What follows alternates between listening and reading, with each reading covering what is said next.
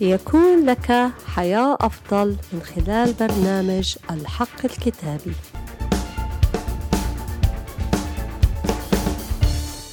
حقيقة اليوم الكتابية بعنوان السجود للآب بالروح والحق. الرب يريد ساجدين أي عابدين له بالروح والحق. لو نظرنا إلى سياق هذا الإصحاح كانت محادثة بين الرب يسوع والمرأة السميرية وهي تقول ينبغي أن نعبد في هذا الجبل. لكن الرب أوضح لها هذه الحقيقة الكتابية كما قيل في يوحنا 4 23 و 24 ولكن تأتي ساعة وهي الآن حيث الساجدون الحقيقيون يسجدون للآب بالروح والحق.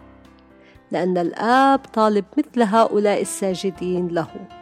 الله روح والذين يسجدون له فبالروح والحق ينبغي أن يسجدوا. في هذه الأيام كثيرين منا لا يقدرون أن يذهبوا إلى مباني الكنائس ويجتمعون معا بسبب الوباء. لكن الكتاب يقول لنا أن السجود هي العبادة هي بالروح والحق. في هذه الأيام ما تستنى تعبد الرب بس في الكنايس. أنت بتقدر تعبده في كل مكان وفي كل زمان. اتمتع بحضوره هو موجود وبده يسمع عبادتك له. في مزمور 63 للإنجيل يقول يا الله إلهي أنت إليك أبكر. عطشت إليك نفسي يشتاق إليك جسدي.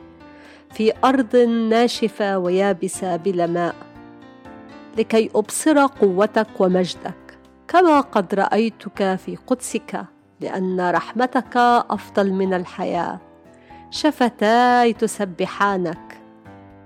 هل قلبك يتشغف لكي تعبد الرب لكي تسبحه تعظمه ترفعه تعليه؟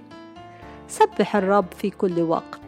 جعلت الرب أمامي في كل حين لأنه عن يميني فلا أتزعزع. في التسبيح يذهب الحزن في التسبيح يذهب الألم. ما أحلى الرب؟ بده يشيل كل تعبك ويفرح قلبك. سبح الرب معي في هذه الكلمات. هكذا أباركك في حياتي. باسمك أرفع يداي. كما من شحم ودسم تشبع نفسي. وبشفتي الابتهاج يسبحك فمي.